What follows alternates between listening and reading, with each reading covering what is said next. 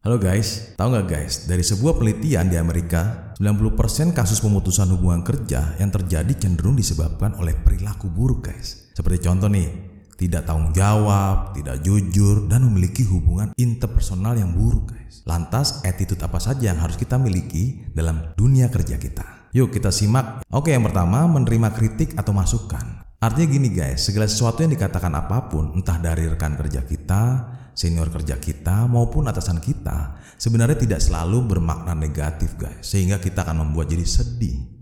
Justru percayalah bahwa mereka itu memiliki niat yang baik dengan tujuan agar kita bisa berkembang lebih baik lagi guys dan bisa bekerja sama dengan mereka yang lebih baik juga. Itu salah satu attitude yang harus kita miliki dalam dunia kerja. Nah yang kedua adalah menghargai waktu. Nah gue akan sharing di video berikutnya ya guys. Oke, salam semangat untuk hari ini.